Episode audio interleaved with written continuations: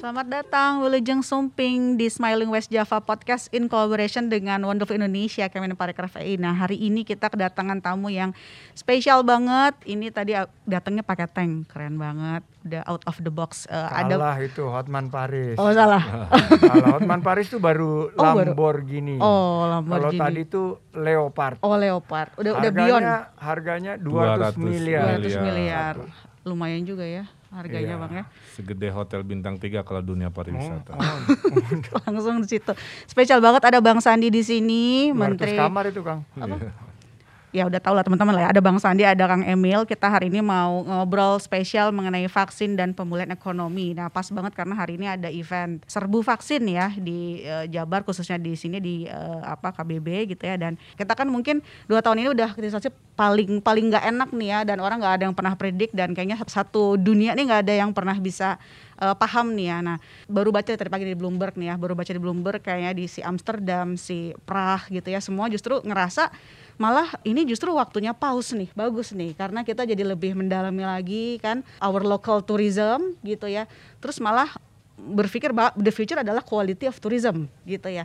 Nah aku pengen tahu nih kira-kira menurut Bang Sandi atau Kang Emil ya mungkin uh, Bang Sandi dulu gitu ya. Justru ngelihat kita kan harus ada pasti ada yang hal positif ya walaupun out of semua yang negatif ya dengan pandemi. Cuman apa sih kira-kira masa depan yang mungkin uh, lebih baik gitu ya dengan adanya situasi ini terutama buat uh, pariwisata di Indonesia. Saya tadi bicara sama Pak Gubernur bahwa ternyata tren pariwisata ke depan ini kalau kita bicara kan lima destinasi super prioritas, hmm. ada tulang punggung seperti Bali.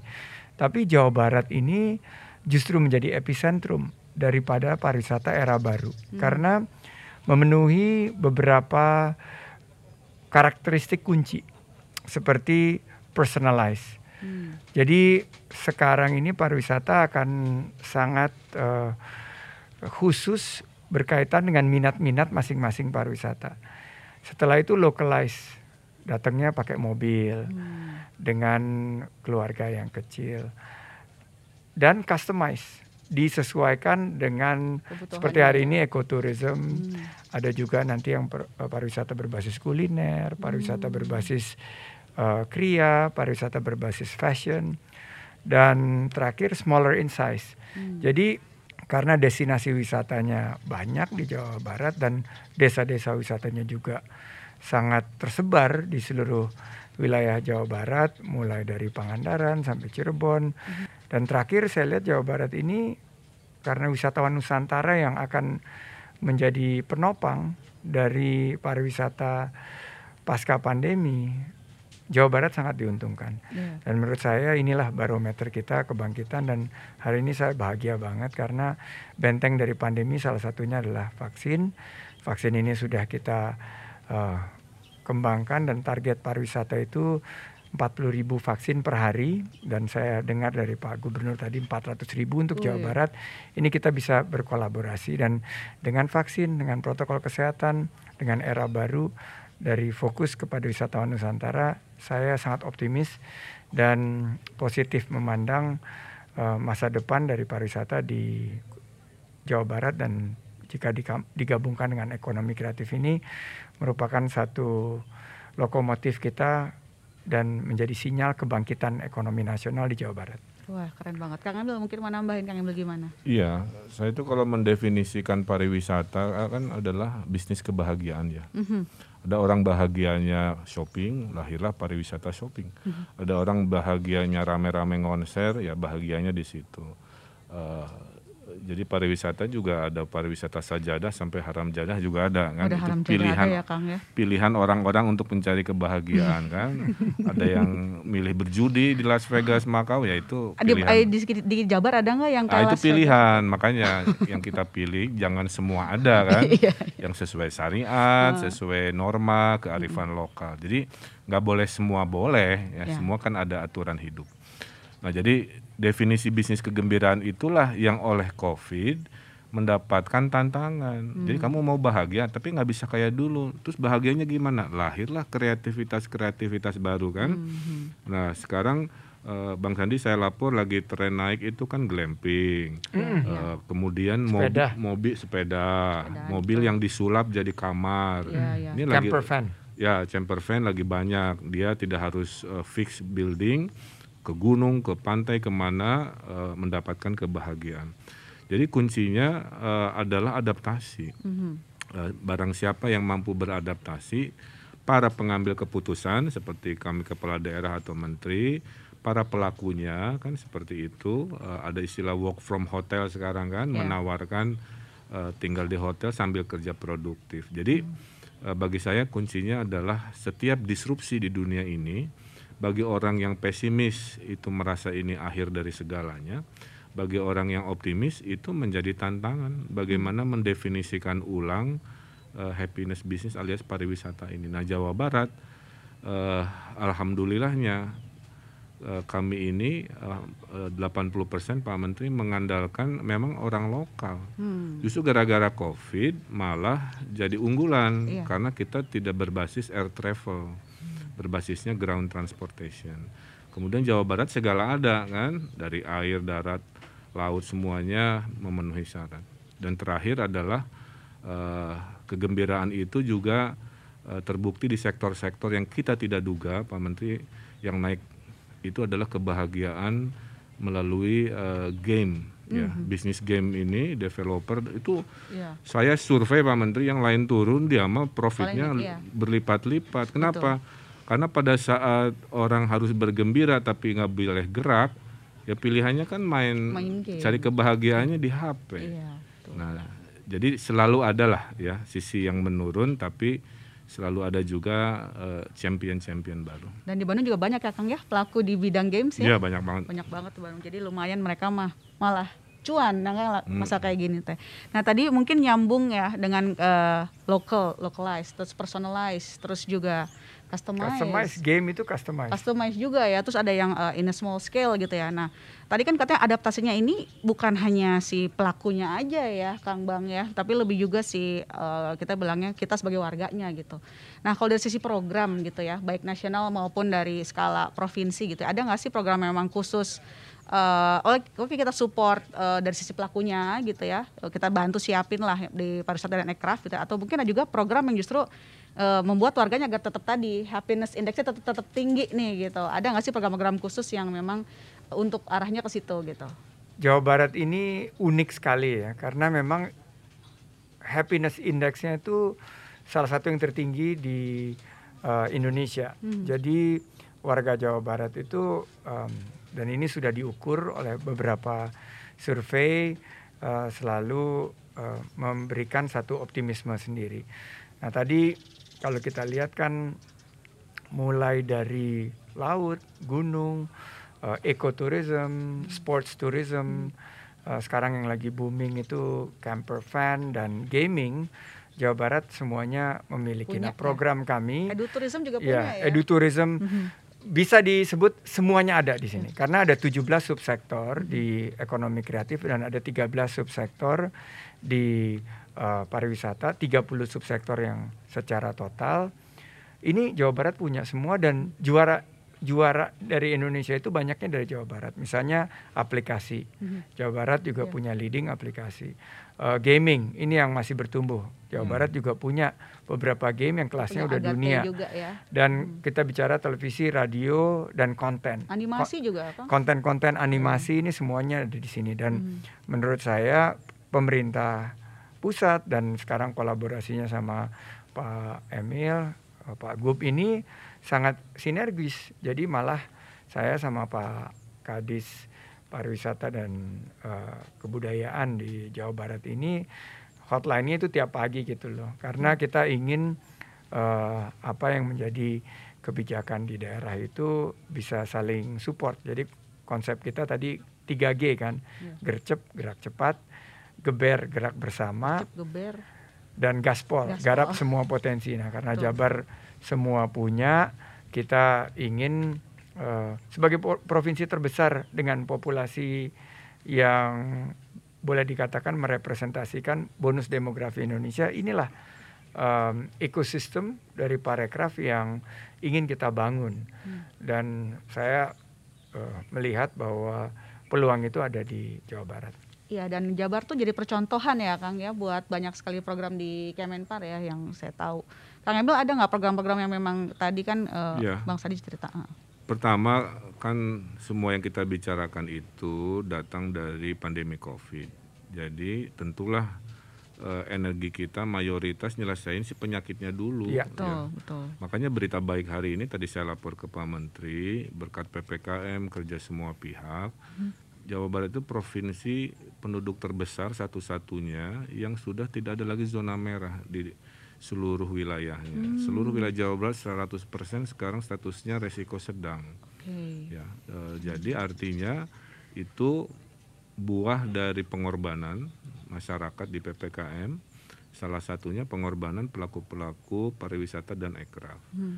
Nah, tentulah program pertama adalah kedaruratan. Maka kita ada puluhan ribu pelaku aircraft kita kasih bantuan sosial kan nah, itu dulu supaya mereka survive, uh, survive ya. dulu hmm. gitu uh, pada saat bantuan sosial ini diberikan, alhamdulillah daruratnya lewat dengan status zona sedang. Hmm. Maka tentulah upaya pertolongan kedua yang sederhana adalah melakukan uh, gradual pembukaan pusat-pusat destinasi wisata. Hmm. Kayak mall sudah boleh 50%, dine in sudah boleh. Ini kan menghidupkan warung-warung lagi yeah. di pinggir danau di mana-mana kan. Hmm. Nah, uh, sehingga uh, perlahan normalitas itu yang menjadi program utama. Hmm. Lain-lain tentunya uh, adaptasi menjadi kunci.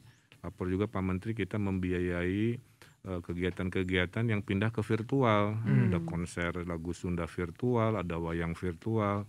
Uh, memang kurang afdol ya, yang hmm. biasa zaman normal kita harus teriak-teriak lihat langsung. Iya. Sekarang bisa sambil rebahan, iya, jadi suasana memang beda. Tapi itulah adaptasi yang baru. Seperti kemarin saya promosi yang God Bless ya konser hmm. kan. Nah itu juga sama, uh, orang bayar nontonnya boleh di mana aja dan lain sebagainya. Jadi program-program uh, itu yang uh, kita lakukan uh, dan tadi kadis kami selalu uh, laporan ke Pak Menteri sehingga uh, top down bottom upnya nyambung dengan program pusat. Oke, setuju banget tadi vaksinasi adalah kunci berarti ya Kang ya, Bang. Terus juga berarti uh, kalau tadi kan ini kan secara gradual mulai dibuka destinasi gitu ya. Terus juga uh, harapannya dengan vaksinasi yang ini kan mungkin bukan ini bakal terus jalan kan. Hmm. Kang melihat vaksinasi Sampai di Jabar Desember, maupun di Desember. Berarti kelihatannya kita kan kayak kayak di US sudah mulai NBA penuh tuh Liga Inggris Liverpool baru baru menang ya Kang Emil ya baru menang terus Foo Fighter udah konser nih kita udah. sih saya sebagai musisi kebetulan gitu ya pengen ini kira-kira kebayangnya kapan sih bakal mulai terbentuk si herd immunity ini sehingga kita bisa mulai mosing lagi nih kalau nonton konser nih mungkin nih. Mungkin Bang Sandi atau Kang Emil ada ada Ya kalau kalau dari saya pada saat kedaruratan udah lewat kerja keras kedua adalah kan vaksinasi. Iya. Kalau kedaruratan tuh ibarat main bola kita tuh jaga gawang aja nahan-nahan supaya gawang nggak jebol gak kan. Nah sekarang udah nggak ada yang nyerang lagi di gawang, saatnya menyerang tanda kutip lah ya. nah jadi ilustrasi itu menandakan pada saat darurat udah lewat sekarang vaksinasi. Dan yang paling berat itu Jawa Barat. Kenapa? Kan yang harus diselamatkan nyawanya kan berbanding lurus dengan populasi. Iya. Kadang-kadang mohon maaf ya Pak Menteri kita dibandingin dengan provinsi anu-anu yang penduduknya hanya 5 juta, kadang-kadang 3 juta pakai persentase pula. Agak kurang fair menurut saya. Nah, pemerintah pusat juga harus siap. Hmm. Nah, pas dihitung uh, ya Teh Dina, kita harus menyuntikan 15 juta dosis per bulan alias 400 ribu per hari coba. Oh. Hari ini kita sudah juara Indonesia 200 ribuan per hari, hmm. tepuk tangan semua. Tapi saya bilang kalau dikalikan si jumlah manusianya 200 ribu masih setengahnya iya, kan. Yeah, yeah. Nah bu, tanggal 28 Agustus target kita 420 ribu per hari. Dengan catatan tadi ya, mohon izin Pak Menteri sampaikan. Kalau itu berhasil bulan Desember, tidak ada alasan lagi uh, untuk kita mulai pelan-pelan melakukan tentu dengan hati-hati ya, hmm. apakah uh, apa pengetatan masker atau apa itu nanti tergantung dari epidemiologi. Hmm. Jadi jangan suka ngiri-ngiri dulu nih ke negara lain yang memang vaksinasinya sudah mungkin 100%, iya. mungkin 80%. Kadang-kadang ibaratnya gini lah, kamu tuh anak SMA tapi ngiri pengen wisuda sarjana gitu kan ini bahasa saya ke rakyat ya yeah, yeah. Pak di Singapura udah berdamai Pak itu Piala Eropa pada buka saya bilang kita masih SMA itu udah sarjana jangan mm. ngiri jadi lalui dulu prosesnya mm -hmm. baru minta haknya disampaikan kira-kira gitulah Tuh, nah, makanya kuncinya sama semua yuk kita vaksin mm -hmm. dan semua bergerak bela negara kayak uh, Bang Sandi dan kawan-kawan kan bukan tupoksi yang ngevaksin kan, iya. tapi hari ini semua kementerian urusannya COVID, semua hmm. dinas di Jawa Barat dinas kesehatan ngurusin COVID, semua ASN adalah relawan, nggak usah ngomongin tupoksi dulu, fokus pada COVID. Kira-kira okay. gitu. Kedaulatan. Bang Sadia mau tambahin? Ya percepatan ini nggak bisa kita ego sektoral karena targetnya kan kita ingin Desember itu kita mencapai 70-75 persen hmm. masyarakat Indonesia yang sudah di vaksin. Nah, kalau misalnya Parekraf dengan 34 juta pelaku uh, usaha di bidang pariwisata dan ekonomi kreatif tidak terlibat secara langsung, kita nggak akan bisa mencapai angka itu. Makanya saya genjot bikin sentra-sentra vaksinasi di destinasi wisata dan sentra ekonomi kreatif. Nah, ini kan pemusik nih dan subsektor musik juga ada di bawah ekonomi kreatif. Jadi Mbak Dina saya ngomong sama Fitri, Karlina kemarin, kapan dong kita? Nah saya bilang gini, Amerika tuh udah konser buka masker. Mereka itu New York misalnya tadi 75 sampai 80 persen sudah divaksin dan sekarang New York menyediakan booster shot bukan hanya untuk nakes tapi juga untuk masyarakatnya hmm. secara menyeluruh berarti mereka melihat bahwa vaksin ini sangat efektif. Nah kita sampai ke titik semua tervaksinasi. Saya yakin sekarang mungkin latihannya pakai konsep online atau hybrid. God bless kemarin juga ke kami ke Kemenparekraf dan kami support uh, konsep konsernya ini adalah hybrid. Juga ada beberapa konser yang menggunakan virtualisasi itu kita dukung karena itu adalah uh, realita sekarang dan ternyata begitu didengar pakai HP, pakai headphone, wah kualitas ya, kualitas ya. daripada sound itu jernih sekali. Ini normal konser. Iya, malah saya waktu kemarin itu nonton kokpit, saya malah beranggapan bahwa ini kokpit lebih bagus daripada konser Genesis yang saya datangi secara live uh, pada saat saya waktu tugas hmm. di luar. Jadi menurut saya ini adalah tantangan buat kita berinovasi, beradaptasi dan berkolaborasi. Subsektor musik, film kemarin udah menang tuh Locarno hmm. Film Festival. Hmm. Untuk film Vengeance is Mine, Everything Else Pay Cash itu um, di tengah pandemi mereka bisa mencapai uh, Golden Leopard, satu hmm. penghargaan yang sebelumnya belum pernah dicapai oleh uh, film Indonesia. Jadi kita sangat bersyukur ternyata COVID-19 ini memaksa kita untuk lebih meningkatkan kemampuan kita. Oke, berarti there must be a silver lining ya di balik Pasti. ini semua. Nah, mungkin terakhir ada ada harapan-harapan atau mungkin wejangan nih, mumpung ini kan yang nonton kebanyakannya anak-anak muda nih, uh, Bang Sandi, Kang Emil gitu ya. Ada harapan atau jangan nggak buat uh, teman-teman yang masih muda ini gitu ya, uh, biar biar bisa survive atau malah jadi justru kreatif ya di uh, tengah keadaan yang sangat tidak mungkin nggak pernah kita duga sebelumnya gitu. Kalau dari saya sederhana, COVID disrupsi ini adalah anggap aja sebagai ujian. Hmm. Kayak kita mau ujian sekolah kan, ngapalin stres apa. Tapi pas lulus wisudanya kan, waduh euforia kita senang. Hmm. Nah, kita belum ke wisuda ini, belum, kita masih... sedang ujian. Jadi. Iya. uh, semua indah pada waktunya, selalu ada pelangi di balik hujan dan badai kan begitu ya. Uh, generasi orang tuamu itu umur 14 sudah uh, apa perang dunia pertama, puluhan juta meninggal lanjut flu Spanyol ya. 50 jutaan meninggal. Lanjut perang dunia kedua. Jadi generasi kakek nenek kita itu didisrupsinya lebih parah. Itu tough dan, banget berarti ya dan mereka tuh generasi tough. Kita anda-anda yang generasi milenial generasi Z sedang didisrupsi baru satu lah. Jadi ini sisi tangguhnya ya. Nah, jadilah uh, manusia-manusia yang mau beradaptasi itu aja. Uh, barang siapa tidak mau beradaptasi, masih pola pikir lama, dia pasti kalah. Tapi kalau dia mau beradaptasi, walaupun tidak nyaman ya uh, insya Allah adalah pemilik masa depan dengan ketangguhan-ketangguhan yang diuji di masa pandemi ini. Hmm, tuh dengerin, Bang Sandi. Ya, um, saat-saat yang sulit seperti ini adalah kesempatan kita menunjukkan karya terbaik kita. Uh, jadi kalau kita lagi sekolah saat terbaik yang harus kita lakukan adalah pas saat ujian. Saya dulu memulai bisnis saat krisis dan saya bisa membangun uh, bisnis saya. Um, juga para pejabat publik sekarang yang lagi dapat amanah seperti Kang Emil uh, dan kepala daerah lainnya. Inilah saat-saatnya untuk memberikan kebijakan yang terbaik yang berpihak kepada rakyat.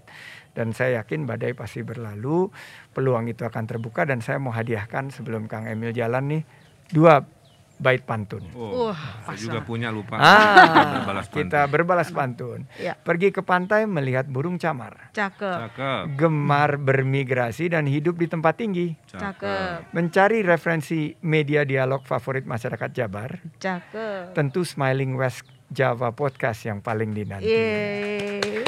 Mancika oh, masih adalah ada, masih salah ada. satu seni bela diri.